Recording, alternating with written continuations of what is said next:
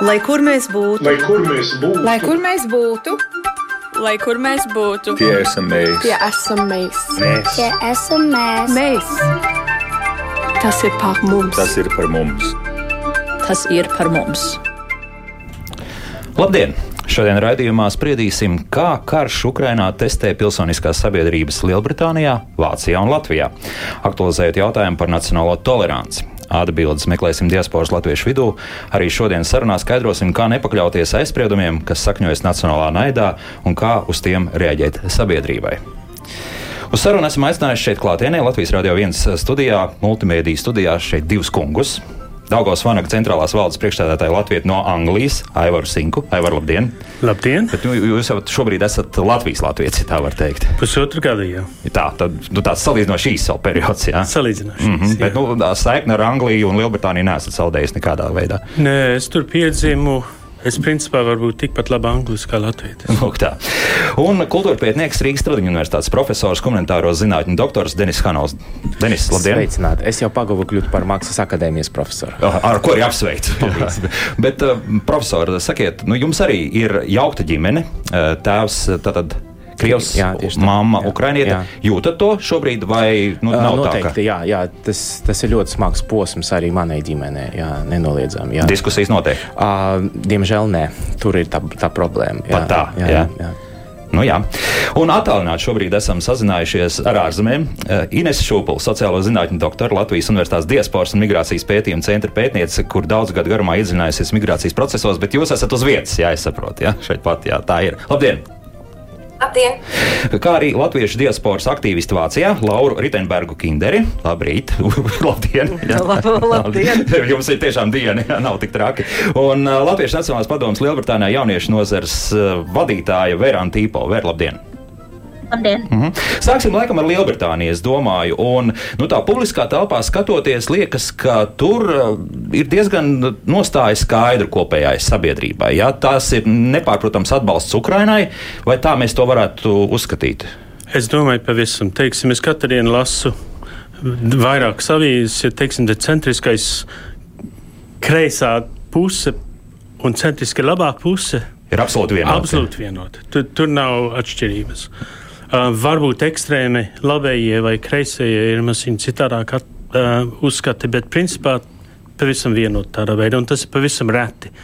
Ja skatos atpakaļ, es nezinu, uz Falklandas kara Notikumiem um, 80. 80. tad, gados. tad nebija tik vienota. Pat tā, jā, kaut gan it kā tur bija ļoti skaidri un precīzi, jā, mums jādabūna salas atpakaļ un viss, jā.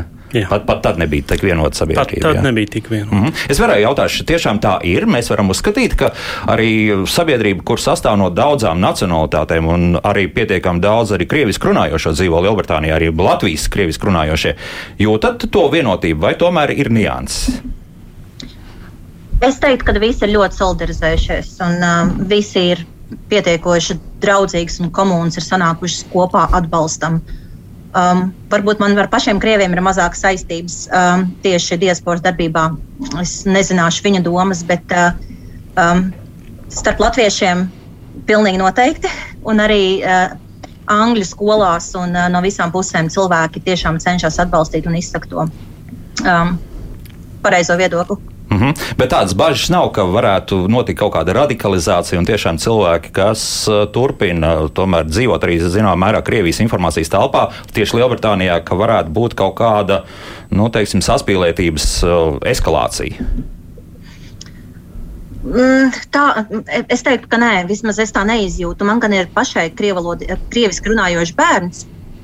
Un um, mazliet satrauc tās, tās ziņas apkārt, kad uh, skolās mēdz uh, mazliet uh, tos krievalodīgos. Uh, Bieži vien arī mans bērns uh, skolā, es viņai saku, tu esi no Latvijas, kaut gan tu esi krieviski runājošs. un Viņa aiziet uz skolu, pasaka, ka viņi ir varbūt uh, no Latvijas, bet viņi dzird tikai, ka tu esi no Krievijas. un Tad viņiem tie jautājumi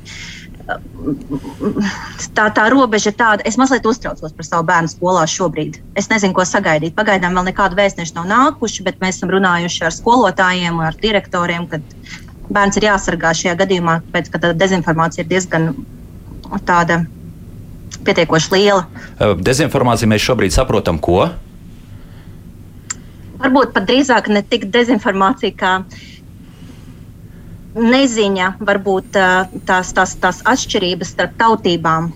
Anglijā, man liekas, tā ir tā lielākā problēma šobrīd, ka bērni skolā iespējams pat neizjūt sevišķi mazāki bērni, kas ir krievs, kas ir uh, latviešu krievs un, un tā tālāk. Mm -hmm, Neredz šo atšķirību, jā, ja? Aivar, jā? Ja? Tas ir pareizi. Viens parastais anglis nezinās starpību starp Ukrainu un Uh -huh. Bukarestu un nu, Budapestu. Par poļiem tur uzskatīja vienu brīdi, ja, ka mēs te pie poļu diasporas piekrītam. Jā, bet tā ir angļu mentalitāte. Angļi ir ļoti, ļoti iecietīgi, ļoti toleranti pret um, jebkuras tautības.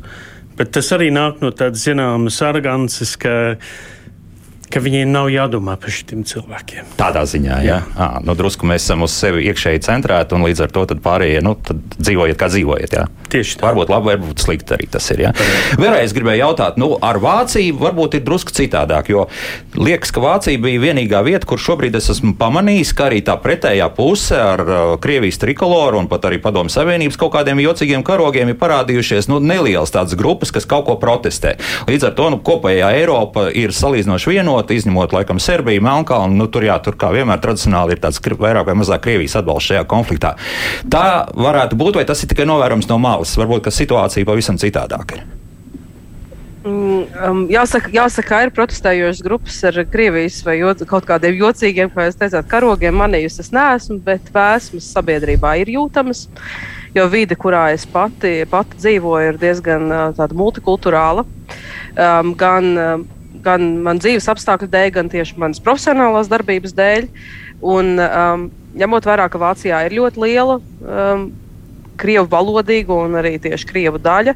Um, tie arī ir cilvēki, kur ļoti bieži gan valodas nezināšanas dēļ, gan dažādu citu iemeslu dēļ skatās pamatā um, attiecīgo televīziju, attiecīgos televīzijas kanālus, un no tā arī veidojas tāda sasp teiktu, saspringušāka atmosfēra. Um, es personīgi to redzu arī attiecībā uz skolām.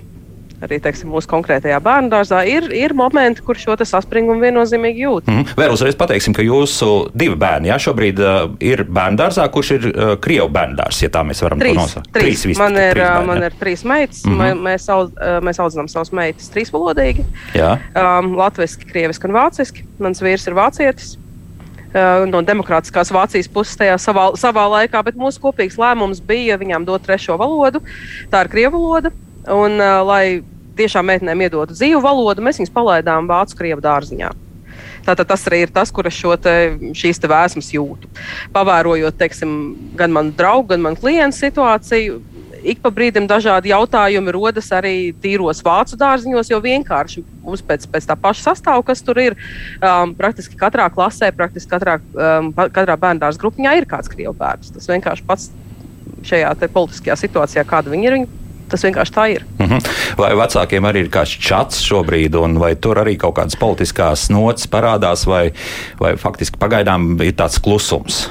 Nu, konkrēti, konkrēti mūsu bērnu dārzā pirms apmēram nedēļas bija diezgan skaļa diskusija par to, um, par tēmu, domājiet mājās, ko un kā jūs pārnājat ar saviem bērniem, jo neaizmirstiet, ka viņi to nes līdzi uz bērnu dārzu. Un, uh, un tad tālāk tas tiek savā starpā iznests vai izrunāts tā, kā bērni šajā vecumā to saprot. Teiksim, mans vecākās meitas gadījumā tā ir pagarinātā grupiņa, 7, 8 gadi, 9, kas viņi ir kopā. Piecgadīgo grupiņā tas šobrīd nav temats. Un labi, ka tā un pavisam mazajiem trīsgadīgajiem arī nē. Tur, teiksim, ja šis temats tiek pacelts, tad viņš tiek pacelts garderobē starp vecākiem, bet tas atkal ir, tas, manuprāt, ir atkal cits. Mm -hmm. Profesor, jā, jā, es varbūt gribēju mazliet jā. kolēģi papildināt. Ja kolēģi ir vairāk informācija varbūt par Dienvidu reģionu, par Bavāriju, tad es divus gadus nodzīvoju Berlīnu un es joprojām sadarbojos ar Vācijas Krievolodīgo vecāku federāciju, kas ir tā, tāda apvienība, kas, kuras sastāvā ir vairāk kā 50 biedrības. Lielākais, tā teikt, Krievolodīgi, kas ir ļoti plašs iedziens, vai ne?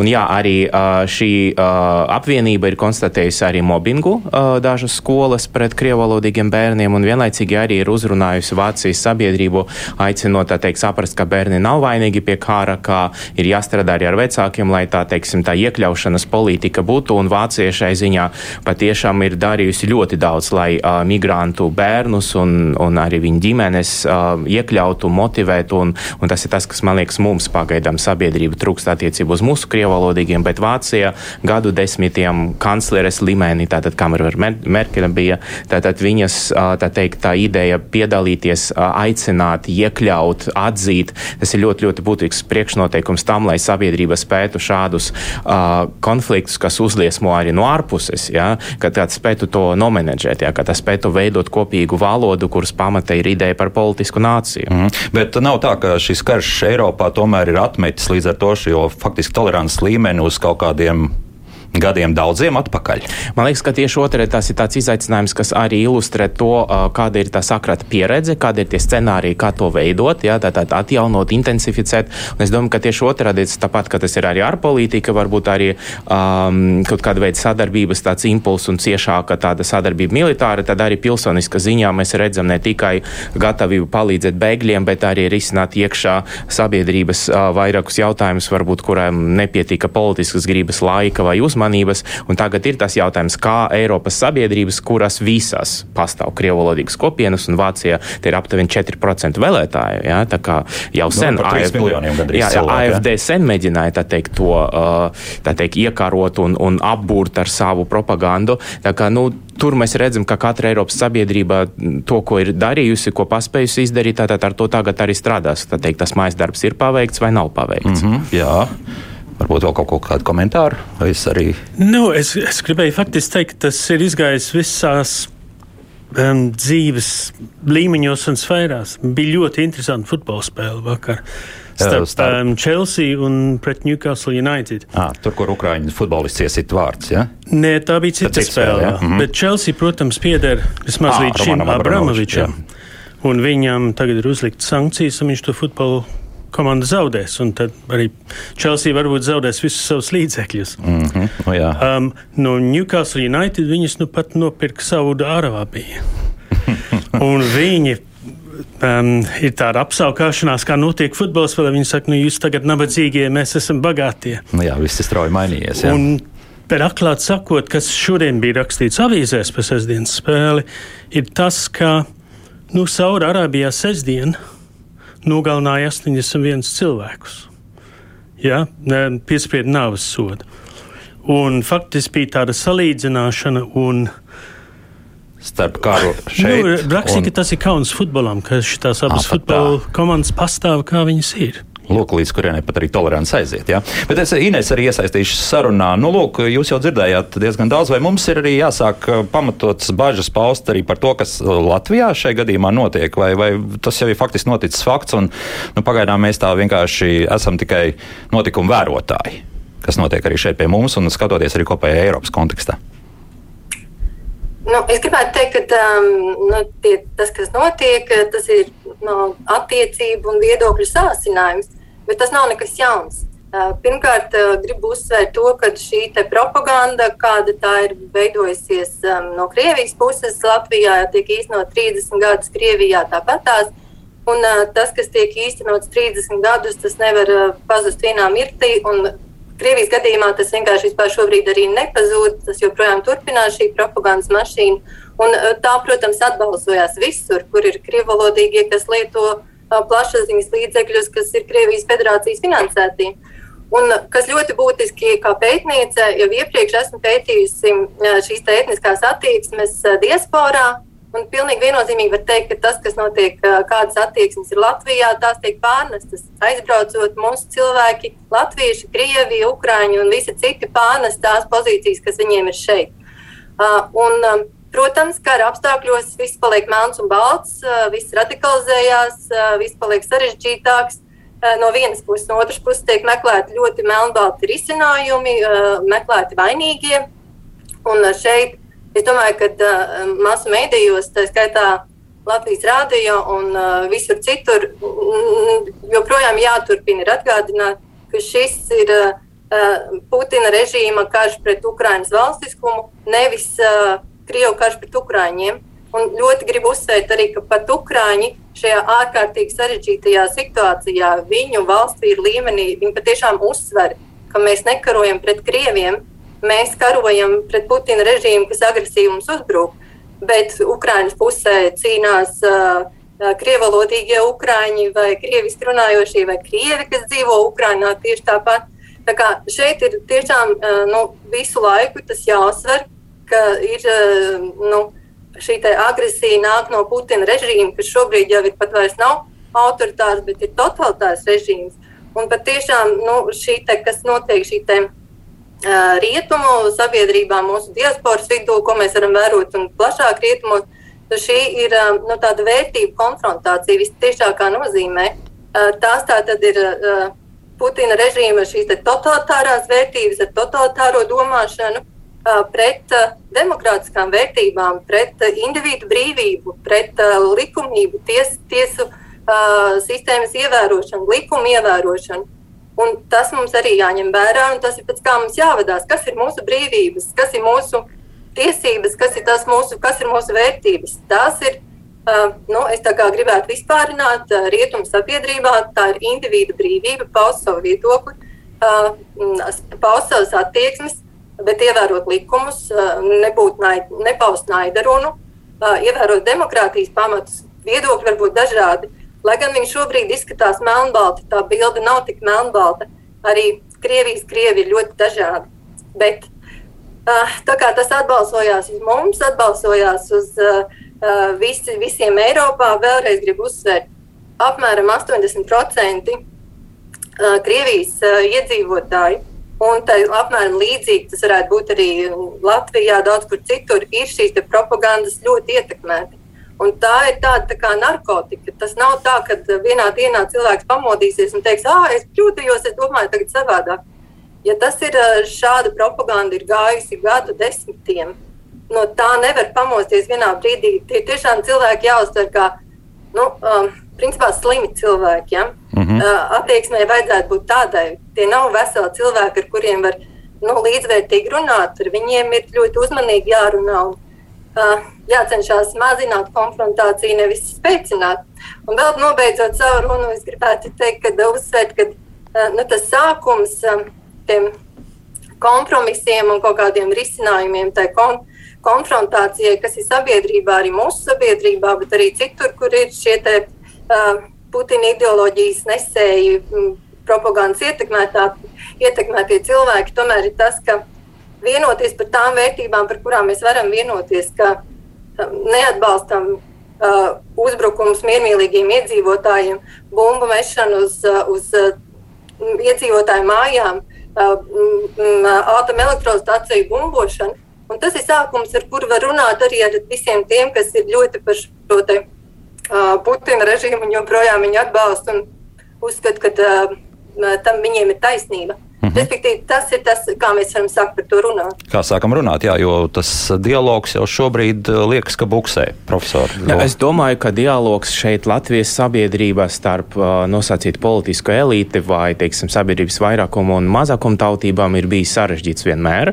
Es biju sešus gadus arī, uh, tā teikt, īpaši, teiksim, īpašus, tātad integrācijas sekretariāta darbinieks un tieši mazākumu tautību departamentā, un ir, ir, ir jau sen zināms, zināms, cik ļoti grūti tātad tā, tā, tā saucamam latviešu partijām saprast, kas ir šie aptuveni 38% iedzīvotāji, ko ar viņiem darīt, kā ar viņiem veidot dialogu, kāda valoda ir jāizmanto. No otras puses, to var arī ļoti labi saprast, saprast kā kultūra pētnieks es arī apzinos, kā traumatiskas atmiņas pieredze, tātad okupācijas, deportāciju trauma nepazudis. Un, bet tad ir jautājums, kā šo traumu, kā ar to var rīkoties politiskajā līmenī. Un tas, kas man pietrūks gadu desmitiem, gan kā pilsonim, gan kā mazakumtautību pārstāvim, gan arī kā pasniedzējam, ir politiska grība. Politiska grība veidot jauna veida nāciju, proti politisku nāciju. Jo politiska nācija šāda tik ļoti fragmentētā sabiedrība, tik ļoti sarežģītā globālā telpa,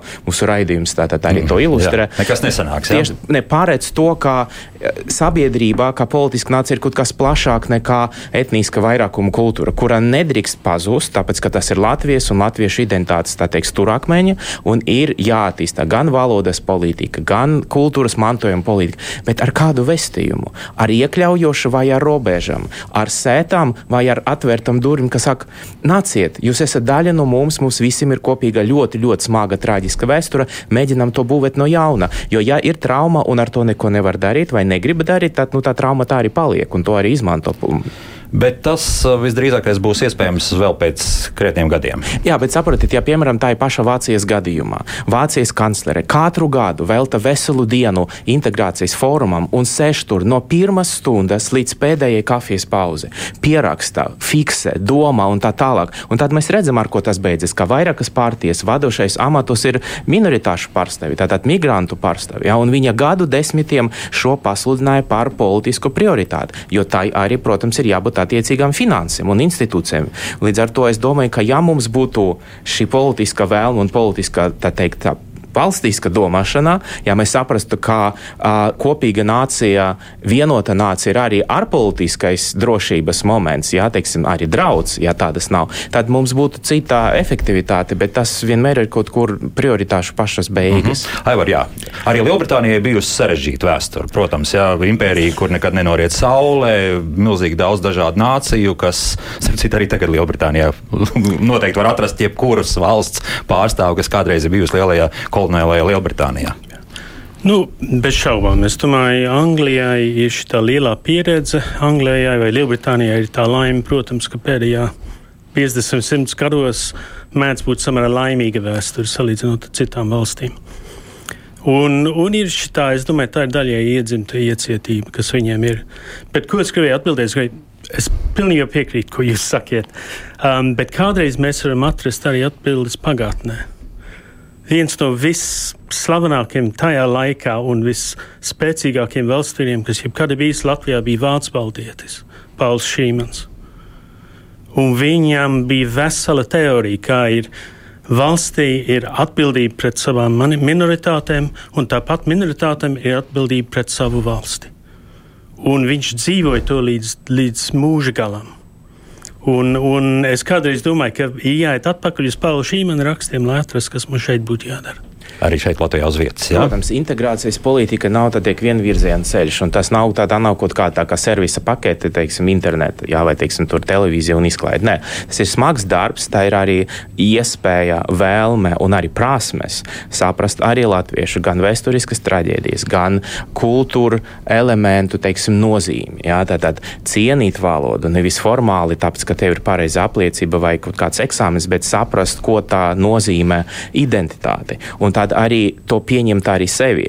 Un kas ir ļoti, ļoti svarīgi, tas, ka ja šajā globālajā pasaulē var viegli izvēlēties, kur es esmu intelektuāli, mentāli, uh, atrodoties šeit, tad uh, ir skaidrs, ka nācija arī ir nu, tā kā, tā ir tāda principā tas arī tirgus attiecības. Tiks, tas, nu, tas, tas, protams, skan tā visai dīvaini, bet nāciju arī var izvēlēties, un tur var konkurēt. Ja? Tātad tādā gadījumā, ja mēs konkurējam, tad mums arī ir, ir, ir jācīnās par jebkuru no cilvēkiem, un tad ir jābūt skaidrai, ilgstošai domai. Visi pieder ar visam savam atšķirībām, jo arī ir jautājums, kāds ir tas uh, iekļaušanas modelis. Jā, teiksim, vai nu tā ir asimilācija, kas absolūtā pagātne un nekad nestrādās, un tieši otrādi stimulēs šo uh, pretēju reakciju un tādu iekšējo varbūt sacelšanos. Nu, Franči kā tā mēģina, nu, ja kurš, uh, kurš nē, ir abūs franču valodas skaitās jā, jā, bet, uh, bet tur arī ir ļoti daudz problēmu, jo tieši tā politiskā līdzdalība, teiksim, pieeja kvalitatīvai izglītībai, um, teiksim, uh,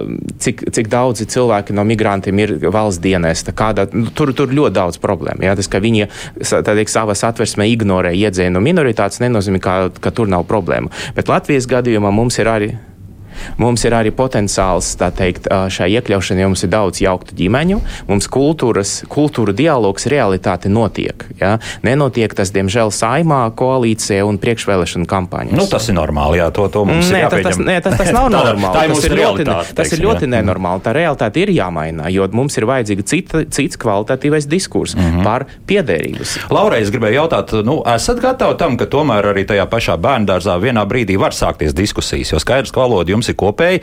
Līdz ar to nu, tad, uh, Krievu valodā sāksies diskusija uz līdzenas vietas, ģērbjot varbūt bērniem zābaciņas vienkārši kā. Patiesībā stāsts ir pavisam vienkāršs. Mums nav jābūt gataviem, jo tas jau ir noticis. Mm -hmm. Un... Protams, tas notika diezgan, diezgan jau pašā sākumā pēc, pēc nemieriem. Un mums ir dažādi.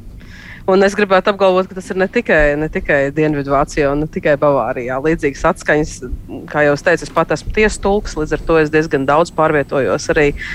Turklāt es esmu zvērnāts latviešu un krievu valodā, līdz ar to man ir ļoti, ļoti plašs klientu lokus gan vienā, gan citā. Gan man negribas teikt kultūras pusē, jo es to nekad tā neesmu redzējis. Es nekad pati tā neesmu augusi un mēs tā nedzīvojam. Bet vis, visdažādākajās pusēs, visdažādākajās jomās, visdažādākajos viedokļos mums ir bijusi saruna. Labrīt, labrīt!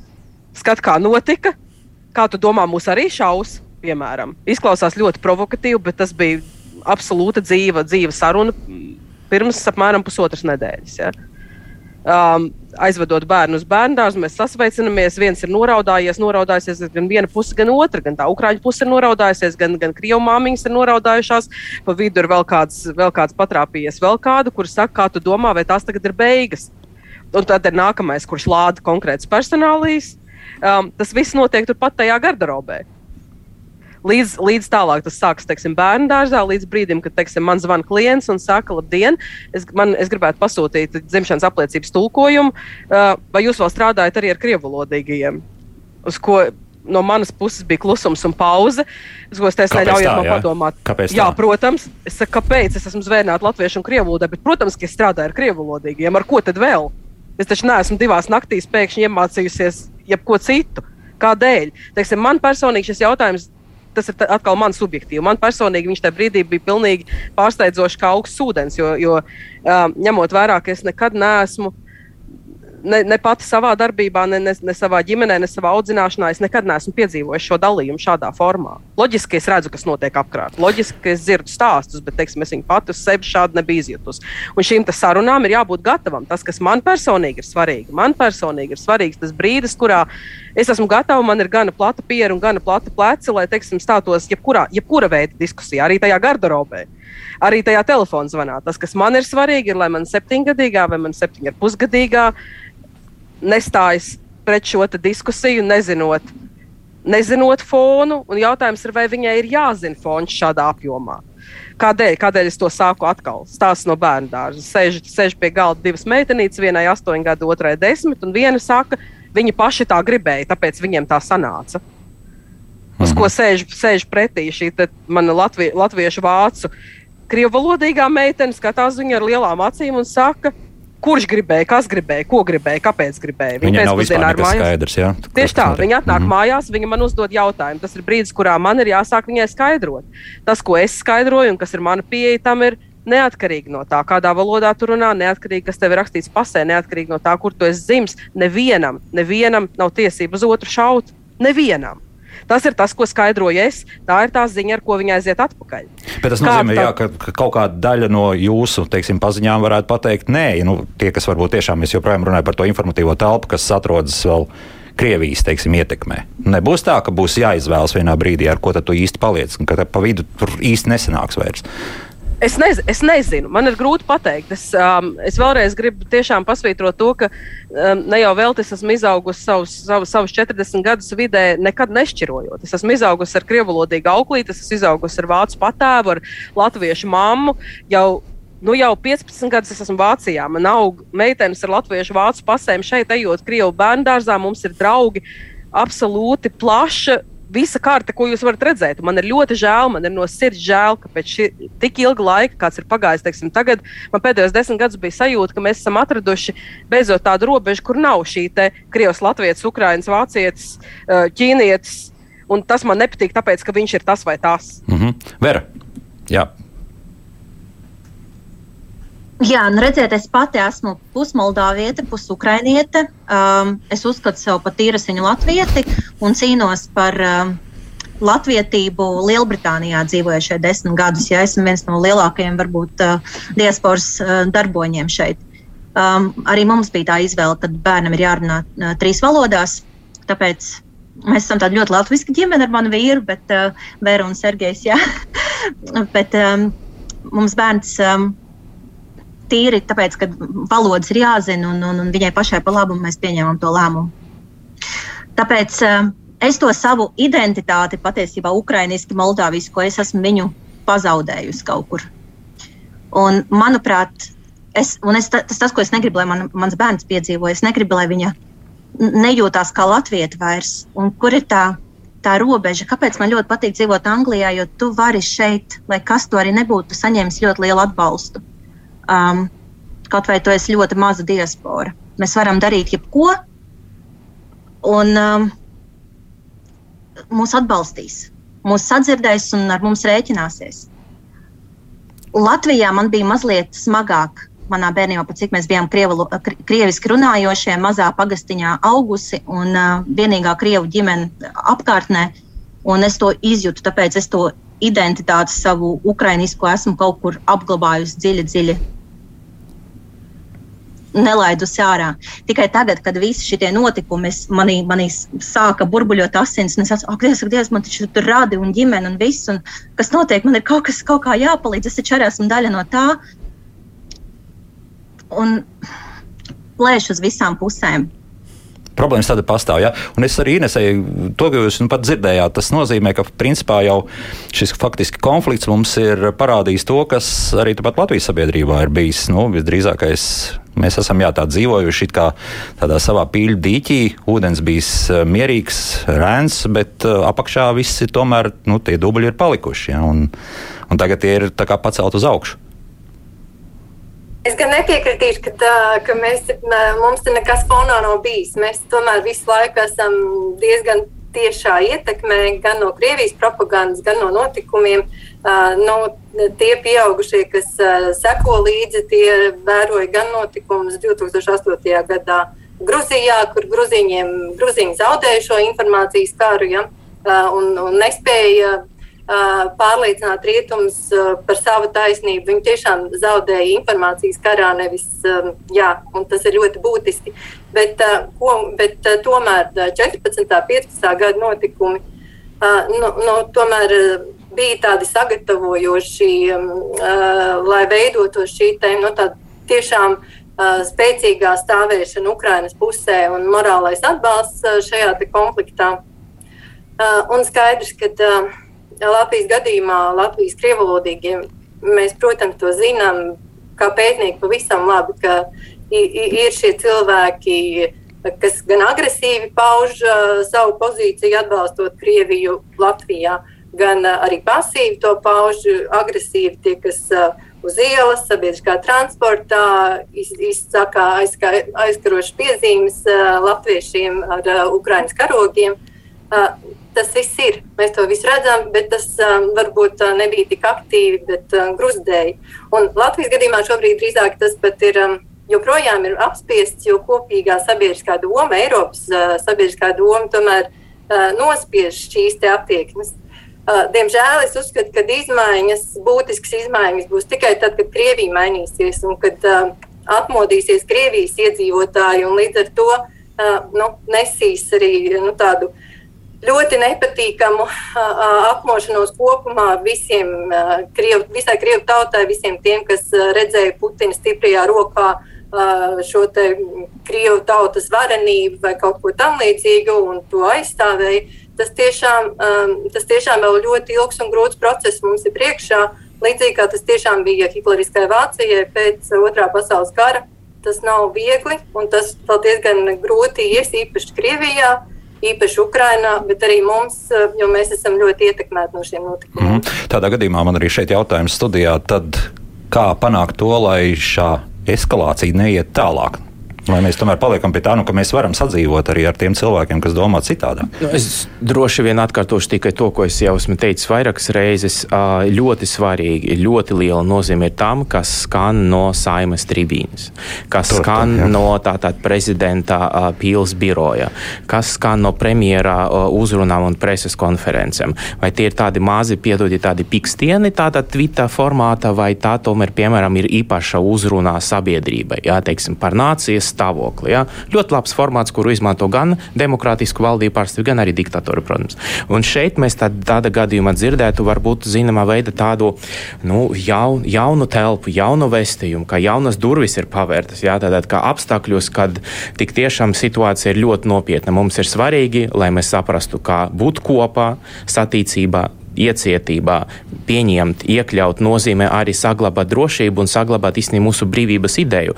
Brīvība ir apdraudēta visa pasaule, tikai jautājums, kāda forma un cik akūti, bet arī Latvija šeit ir izaicinājumi, jo virkne cilvēku ir tik ļoti attālinājušies no šīs sabiedrības un arī no politiskas elītes, ka viņus sasniegt gandrīz nav iespējams, un tas ir gadu desmitiem veidojies, un varbūt ir jāsaka arī ar to, ka mums ir jāatzīst, ka tik tiešām politiskai elite ir atbildība par to, kas nav uh, noticis, kas nav paveikts šajos 30 gados. Ja? Es uzskatu, gan teiksim, kā kultūra pētnieks, gan arī gan pasniedzējs, gan arī pilsonis, gan kā krievvalodīgais, ka man, mani neuzrunā. Es nekad neesmu pieredzējis teiksim, etnisku diskrimināciju, izslēgšanu ne pēc etnicitātes, ne pēc savas seksuālas orientācijas. Mani kolēģi, mana vadība vienmēr bijusi ļoti, ļoti iekļaujoša. Bet strādājot arī radio ar krievvalodīgi, mēs dzirdu gadiem, jau astoņus gadus, šos atkārtojušos stāstus par to, ka mūs ne nedzird, mums nepieņem, mums nevēlas. Ir radikālais uh, diskurss saima ir ļoti, ļoti attīstīts. Ja? Un tur premjeram vajadzēja skatīties jau gadiem, kas notiek viņa koalīcijā, kādas frāzes, kādi formulējumi paliek bez politiskas atbildības. Ja? Tā kā, nu, ja mēs to nedzirdam, tad mēs arī saprotam, to starp citu izgaismo arī miera laikus, teiksim, attieksmi pret uh, vakcinācijas politiku. Ja? Sputniks kas ir nepārbaudīts, nezināms, kas tur ir iekšā, tika gaidīts Un es dzirdēju to gan no jauniešiem, gan no cilvēkiem gados, ka mūsu vakcīna. Tā ir tik šausmīgi slikta atzīme integrācijas politikai, ka jau šis šķidrums tajā kapsulā tiek uzskatīts kā nu, nosacīta daļa no identitātes. Ja? Izglītības reformas komunikācijas vēstījums bija ļoti neveiksmīgs. Tas bija tāds simboliskā atriebība, ja? tāds svētais karš. Nevis iekļaut un saprast, ka latviešu valoda ir jūsu bērnu ceļš uz Eiropu, uz iekļaušanas Latvijas sabiedrība nav izskanējis un nav bijis. Un es arī nesevišķi ticu, ka būs. Mhm. -huh. Es gribēju pajautāt arī dāmām par to, nu, pieņemsim, vai vācieši arī gaida no Olafs Šolca vēl kaut kādu, teiksim, uzrunu, vai tikai to, ka tik stingri pateikts, kāds ir kurs, jā, mēs atbalstām Ukrainu, mēs raujam ekonomiskās saites ar Krieviju, un ar to pilnīgi pietiek. Vai tomēr liekas, ka vajag vēl kaut ko? Jo, jo šeit mēs saprotam, ka varbūt iespējams Latvijai pamāz, jā, ka mūsu amatpersonas runā pamāz ar, ar sabiedrību. Mm, man ir grūti pateikt, teiksim, vērojot, vērojot vispār tādas, tādu, um, tādas vēsmas sabiedrībā. Man šķiet, ka attiecībā uz integrāciju um, gan, gan iebraukušie, gan arī paši vācieši ir um, no visām pusēm visnotaļ piesātināti. Tas, kas drīzāk ir tā sabiedrības rūpe, ir par to, ka Vācija nav no gumijas, Mm. Un šajā brīdī tieši tā, un tas ir, tas ir tas, ko es dzirdu arī pēdējās dienās, ar vien biežāk. Kā tas tagad būs, ja teiksim, pirms tam uzņemot tik daudz bēgļus, uzreiz iedodot viņiem atļauju strādāt, uzreiz pataisno skolā ar visām, ar visām tiesībām uz pirmo gadu. Kā tas tagad būs, kā Vācija cels to, teiksim, bažas. Um, no vienas puses, ļoti liels atbalsts, tiešām liels atbalsts no sabiedrības visos vis, visos, pilnīgi visos slāņos, sākot ar pašiem vāciešiem, beidzot ar, beidzot ar dažādām ārzemnieku kopienām. Bet šī rūpe arī tur ir. Un tā ir drīzāk tā lieta, kur, manuprāt, sabiedrība gaida kaut kādu tādu skaidru, skaidru virzienu, kā mēs šoreiz tiksim galā ar šo bēgļu plūdu. Mm -hmm, jā. jo tas jau Vācijai nav pirmais tāds. Jā, Vera, jā. es skatos. Ah, jā? Nu, jā. Lielbritānija šobrīd ir tādā unikālā pozīcijā pēc Brexit, tāpēc, manuprāt, tas būs mazliet sarežģīti. Tā, tāda gadījuma vēl nav bijis, un mēs neesam gājuši tam cauri, bet mēs ļoti sekojam līdz aktualitātēm un vispār kā mēs, kā latvieši, kā tādi un kā um, kā labdarības organizācijas Lielbritānijā, kā mēs varēsim palīdzēt un uzreiz reaģēt. Es zinu, ka vakar iznāca tās ziņas, ka tagad uh, par katru ukrāņu bēgli ģimenē tie, kas varēs uzņemt, maksās kaut kādas naudiņas. Tad mēs tagad skatāmies, kā mēs varēsim Ja mums vispār darba spēks trūks, tāpēc varbūt, varbūt mums arī izdosies labas attiecības. Nav ļaunuma bez labuma, jau otrādi. Jā. Aivar, jā. Ne, es gribēju teikt, saruna, saruna par integrāciju, ka faktiski es esmu sācis kļūt par optimistu. Ir, ir ļoti žēl, ka, ka protams, karš ir, ir varbūt viens no tiem iemesliem, bet um, es jūtu, ka valsts saliedējas. Es domāju, bija ļoti svarīgi, ka saima. Mēs tagad par Latviju runājam. Ja? Par Latviju, mm -hmm. ka saima pieņēma vienbalsīgi vai ne savu nostāju pret šo karu. Es domāju, tas bija ļoti, ļoti svarīgi. Un, un arī kā Man, protams, ir žēl, ka cilvēki balso vēl joprojām vēlēšanās uz, uz etnisko pamatu. Nu, viena, viena veca nobriedusi valsts tā, tādas lietas nenotiek. Vai ne? Cilvēki um, sadalās uz ekonomiskiem, vai sabiedriskiem, sociāliem um, pamatiem, nevis um, uz etnisko. Um, bet es redzu, ka tas mainās. Es domāju, mēs esam redzējuši, ka Ukrainas tauta ir saliedējusies. Um, man faktiski tas vārds integrācija tik daudz nepatīk. Es domāju, ka arī Latvijas valsts, Latvijas tauta var saliedēties. Uz, arī uz, uz daudz nāciju principu. Kāpēc ne?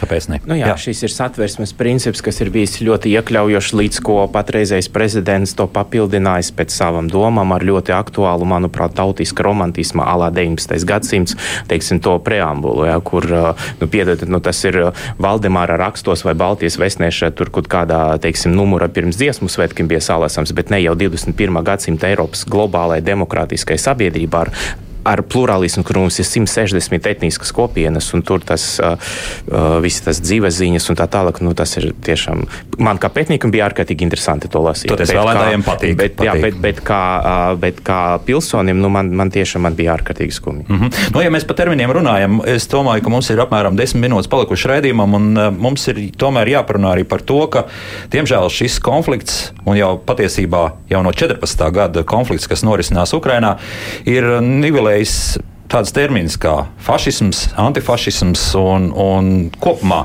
Nu, tagad sanāk tā, ka tu jau vairs pats cilvēks vairs nesaproti, kas tad īsti ir, kurš tad kuram tad uzbrūk, un kurš tad ir tas antifašists, un kurš tad šeit ir fašists, un kur, ir, kur tad sākas nacisms, vai tas vispār ir nacisms, vai tas kaut kāds, nezinu, sauksim to par imperialismu. Kā mēs to visu tagad definēsim? Ja?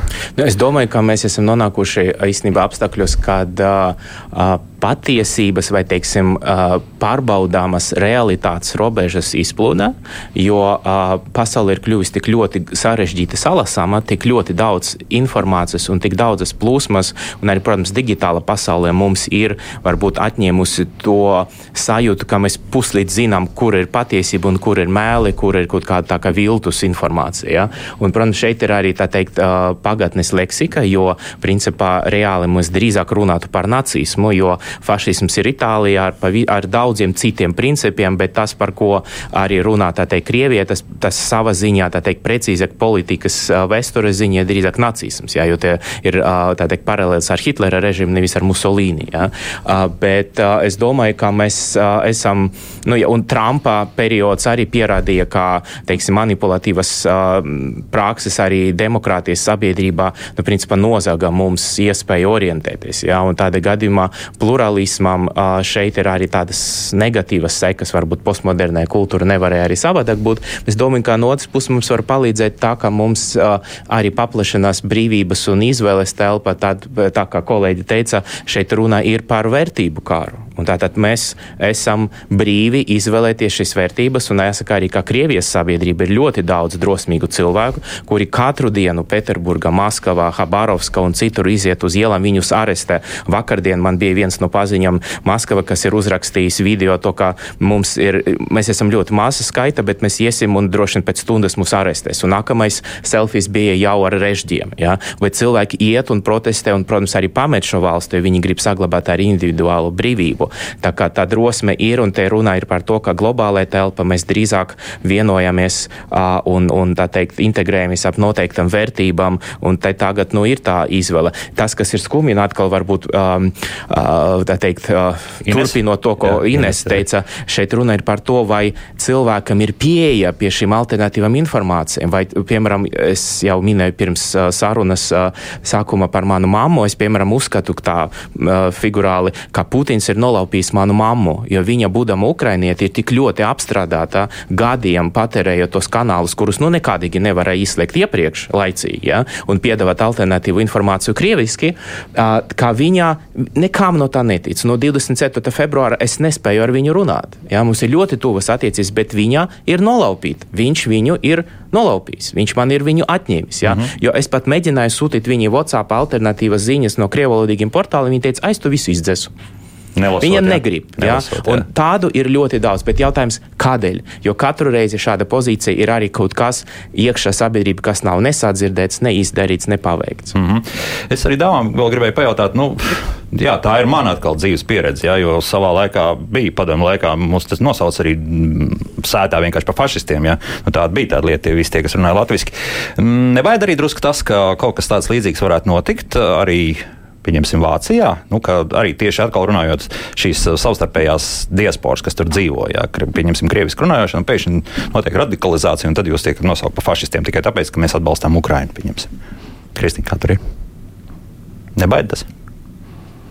Nu, man ir grūti pateikt, vai, vai, vai man, man nešķiet, ka tā, ka tā proporcija ir tāda, lai tas tiešām šādā apjomā radikalizētos. Tā, man, tās, man šīs sajūtas nav. Vēl man ir sajūta, ka tiešām Vācijas valsts un Vācijas politika dara ļoti daudz, lai, lai tas tā nenotiktu. Tajā pašā laikā tas, ko mēs, tas, ko es pašā sākumā teicu, ir tas, pret ko mēs esam šobrīd maz spēcīgi, ir joprojām tā sabiedrības daļa, kura joprojām skatās tikai vienus konkrētus masu mediju kanālus. Kas joprojām Vācijā um, ir iespējams? Ja? Jā, jā mm -hmm. protams. Man ir visas iespējas apskatīt visu, visu bijušo Padomju Savienību valstu televīzijas kanālus brīvi.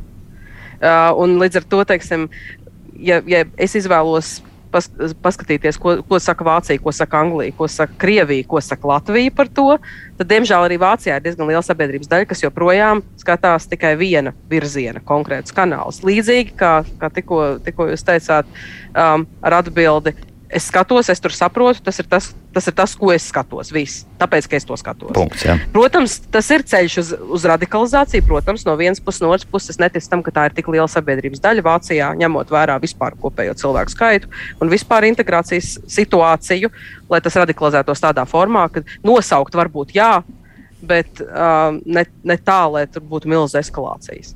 Mm -hmm. Ko mēs nu, varam teikt par Lielbritāniju? Jā. tikai par to vārdu fašistu. Nu, protams, tas zaudēja savu nozīmi jau 40. gados. Mm -hmm. Tas ir skaidri. Un, un pēdējos gados tas ir vienkārši bijis tas, pret ko Krievija vēlās cīnīties vai oponēt. Un, un tas ir ieguvis zināmu rezonanci pēdējos gados, bet ar šito karu tas viss izbeidzies. Beigi, beigās um, Ukraiņas prezidents ir, ir ebrejs, kas mājās uzaug runājams krievu valodu. Nu, viņu nosauc par fašistu un vēl par narkomānu. Ja?